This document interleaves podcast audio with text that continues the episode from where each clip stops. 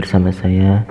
Uh, saya ingin share tentang pengalaman saya yang mengamalkan dua kata ajaib yang bisa mengubah nasib. Hmm. Saya ingin membagikan kepada teman-teman agar nasib kita menjadi lebih baik, menjadi lebih mudah mendapatkan rezeki dan mengubah nasib kita. Seperti apa dua kata tersebut? Baiklah. Nah, teman-teman, saya akan memberikan judul video ini dengan dua kata ajaib perubahan nasib kehidupan. Ya, kalau kita ngomong soal kata berarti itu hal yang sederhana dong, ya. Nah, hal sederhana ini sangat mudah dalam mengubah hidup kita. Nah, kenapa bisa? Karena ini sebenarnya sangat simple. Hanya dengan kata-kata saja kita bisa mengubah kehidupan kita dan bahkan nasib kita. Nah, simple. Cuman kebanyakan orang juga termasuk kamu dan teman-teman sekalian mungkin suka meributkan hal-hal yang sebenarnya sederhana atau sepele. Hmm. Hal yang akan saya bahas kali ini adalah hal yang berhubungan dengan dua kata ajaib yang akan merubah hidup kamu. Nah, alhamdulillah Izinkan saya untuk membawa satu persatu ya. Ya tahu nggak teman-teman, hidup ini semuanya itu sebenarnya penuh misteri. Jawaban dari setiap misteri kehidupan sebenarnya ada di dalam satu titik, yaitu titik berhubungan dengan hukum kuasa Allah. Nah, yaitu hukum kasih sayang. Nah, kenapa? Karena dari yang kita tahu, kita itu banyak lupa bahwa Allah itu sebenarnya Maha Pengasih dan Maha Penyayang. Nah, kita bisa lihat dari bacaan yang biasa kita baca yaitu Bismillahirrohmanirrohim yang di mana artinya sudah jelas. Tapi banyak orang lupa bahwa Allah itu maha pengasih dan maha penyayang. Nah ingat teman-teman Allah itu sebenarnya nggak suka melihat kamu itu susah. Dan semua hukum yang terjadi di semesta alam ini semuanya dilandasi yaitu dilandasi hukum kasih sayang. Salah satu hal yang berhubungan dengan kasih sayang yang akan saya share yaitu dengan dua kata ajaib ini yaitu kata maaf dan terima kasih. Oke? Baiklah saya akan jelaskan. Betul, kita akan membahas kali ini yaitu dua kata ajaib, yaitu maaf dan terima kasih. Saya akan menjelaskan dengan pengalaman pribadi saya bagaimana hanya dengan mengamalkan dan memperdalam dua kata ajaib ini hidup kita bisa berubah. Saya nggak tahu kehidupan kamu sekarang seperti apa dan bagaimana. Cuman yang saya tahu betul yaitu kalau hidup kamu banyak masalah jadi sebenarnya masalah itu sebenarnya cuma satu. Tapi jadi banyak masalah karena hati kamu. Kenapa saya bilang hati kamu? Karena kamu belum menjadi hati yang lapang. Keajaiban itu datang dan akan selalu datang kepada orang-orang yang berhasil melapangkan hatinya. Nah, Orang yang berhati lapang udah bisa memaafkan siapa pun sekalipun orang yang pernah menyakiti hatinya. Nah, coba deh kita renungin. Coba teman-teman renungin perkataan saya. Apakah teman-teman pernah merasakan tiba-tiba dikasih rezeki nggak yang tidak disangka-sangka? Seperti ada yang tiba-tiba mentraktir dan memberi sesuatu. Coba deh ingat-ingat Ketika mendapatkan itu, hati yang teman-teman dan kamu rasakan suasananya seperti apa? Ketika hati sedang marah, atau sedih, atau iri, coba deh ingat-ingat. Atau mungkin bahkan benci. Pasti enggak kan? Ya, itu karena ketika kita mendapatkan rezeki yang tidak disangka-sangka itu kan hati kita lapang. Nah, hati kita lapang, tenang, dan hati kita sangat bersyukur.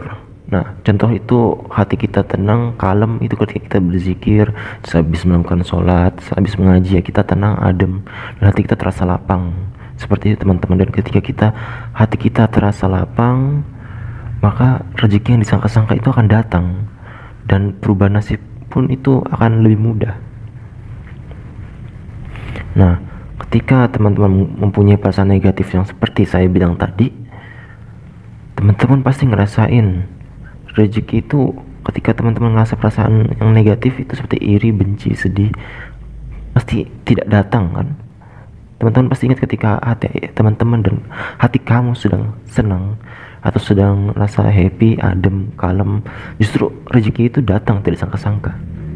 Nah ini akan saya share kepada teman-teman bagaimana supaya, hati kita akan terasa lapang dan rezeki kita akan dipermudah.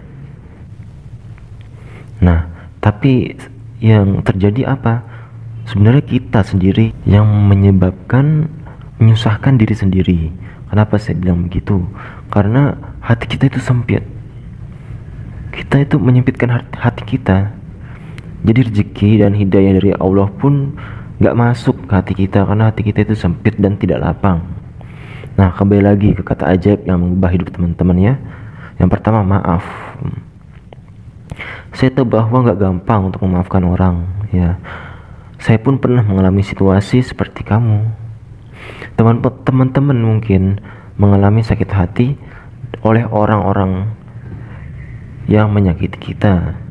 Nah, bisa jadi sebelumnya padahal kamu e, bersahabat baik, sayang, atau bahkan kamu cinta dengan orang tersebut.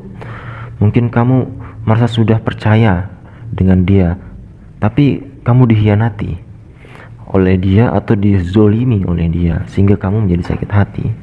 Nah, saya tahu teman-teman perasaan seperti itu, dan saya pun paham, paham betul bahwa kata maaf dan memaafkan mereka itu gampang tapi untuk bisa memaafkan total itu sulit dan sangat susah nah sekarang tugas saya sebagai sahabat teman-teman yang ada di samping telinga teman-teman yang teman-teman nonton sekarang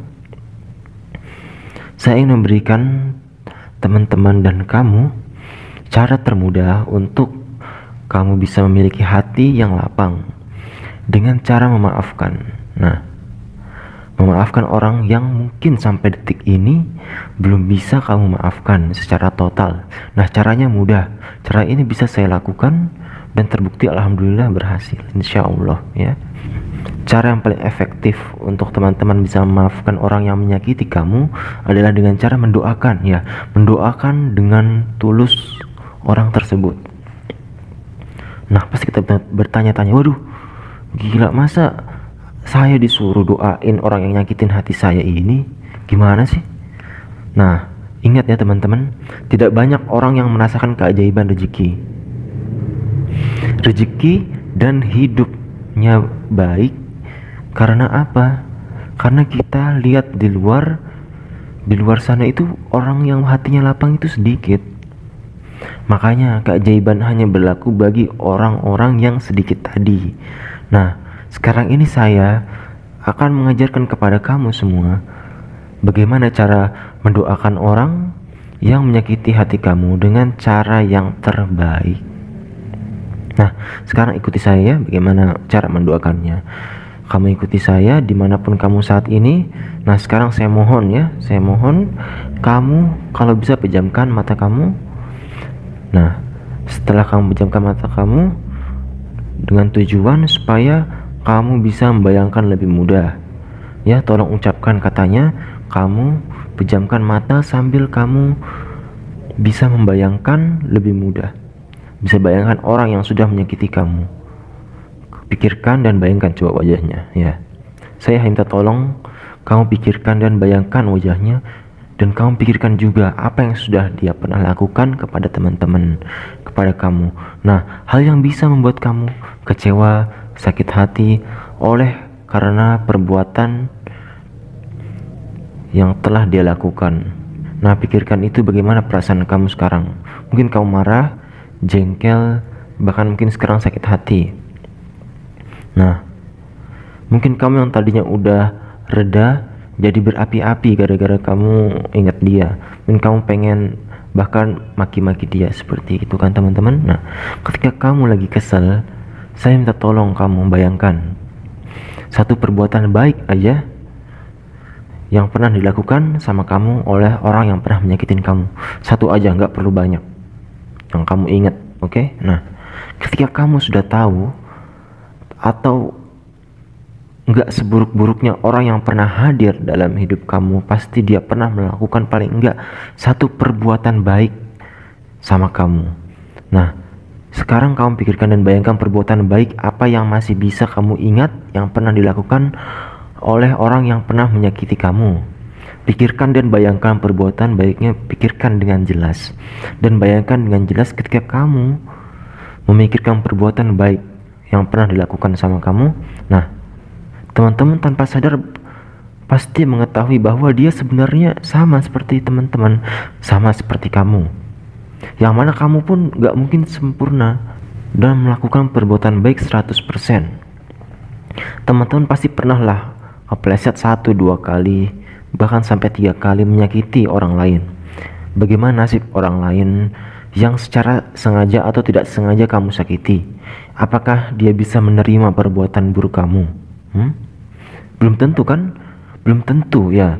Tapi yang harus kita sadari teman-teman orang yang pernah kamu sakiti dan orang yang menyakiti kamu itu ya kalian bertiga itu sama-sama manusia yang artinya pernah memiliki kehilafan. Kalau kamu sudah menyadari orang yang menyakiti kamu itu adalah manusia sama seperti kamu yang pernah hilaf nah sekarang kamu menyadari bukan? Bukankah tidak ada gunanya perasaan dendam dan marah kamu dengan dia? Sekarang coba kamu rasakan.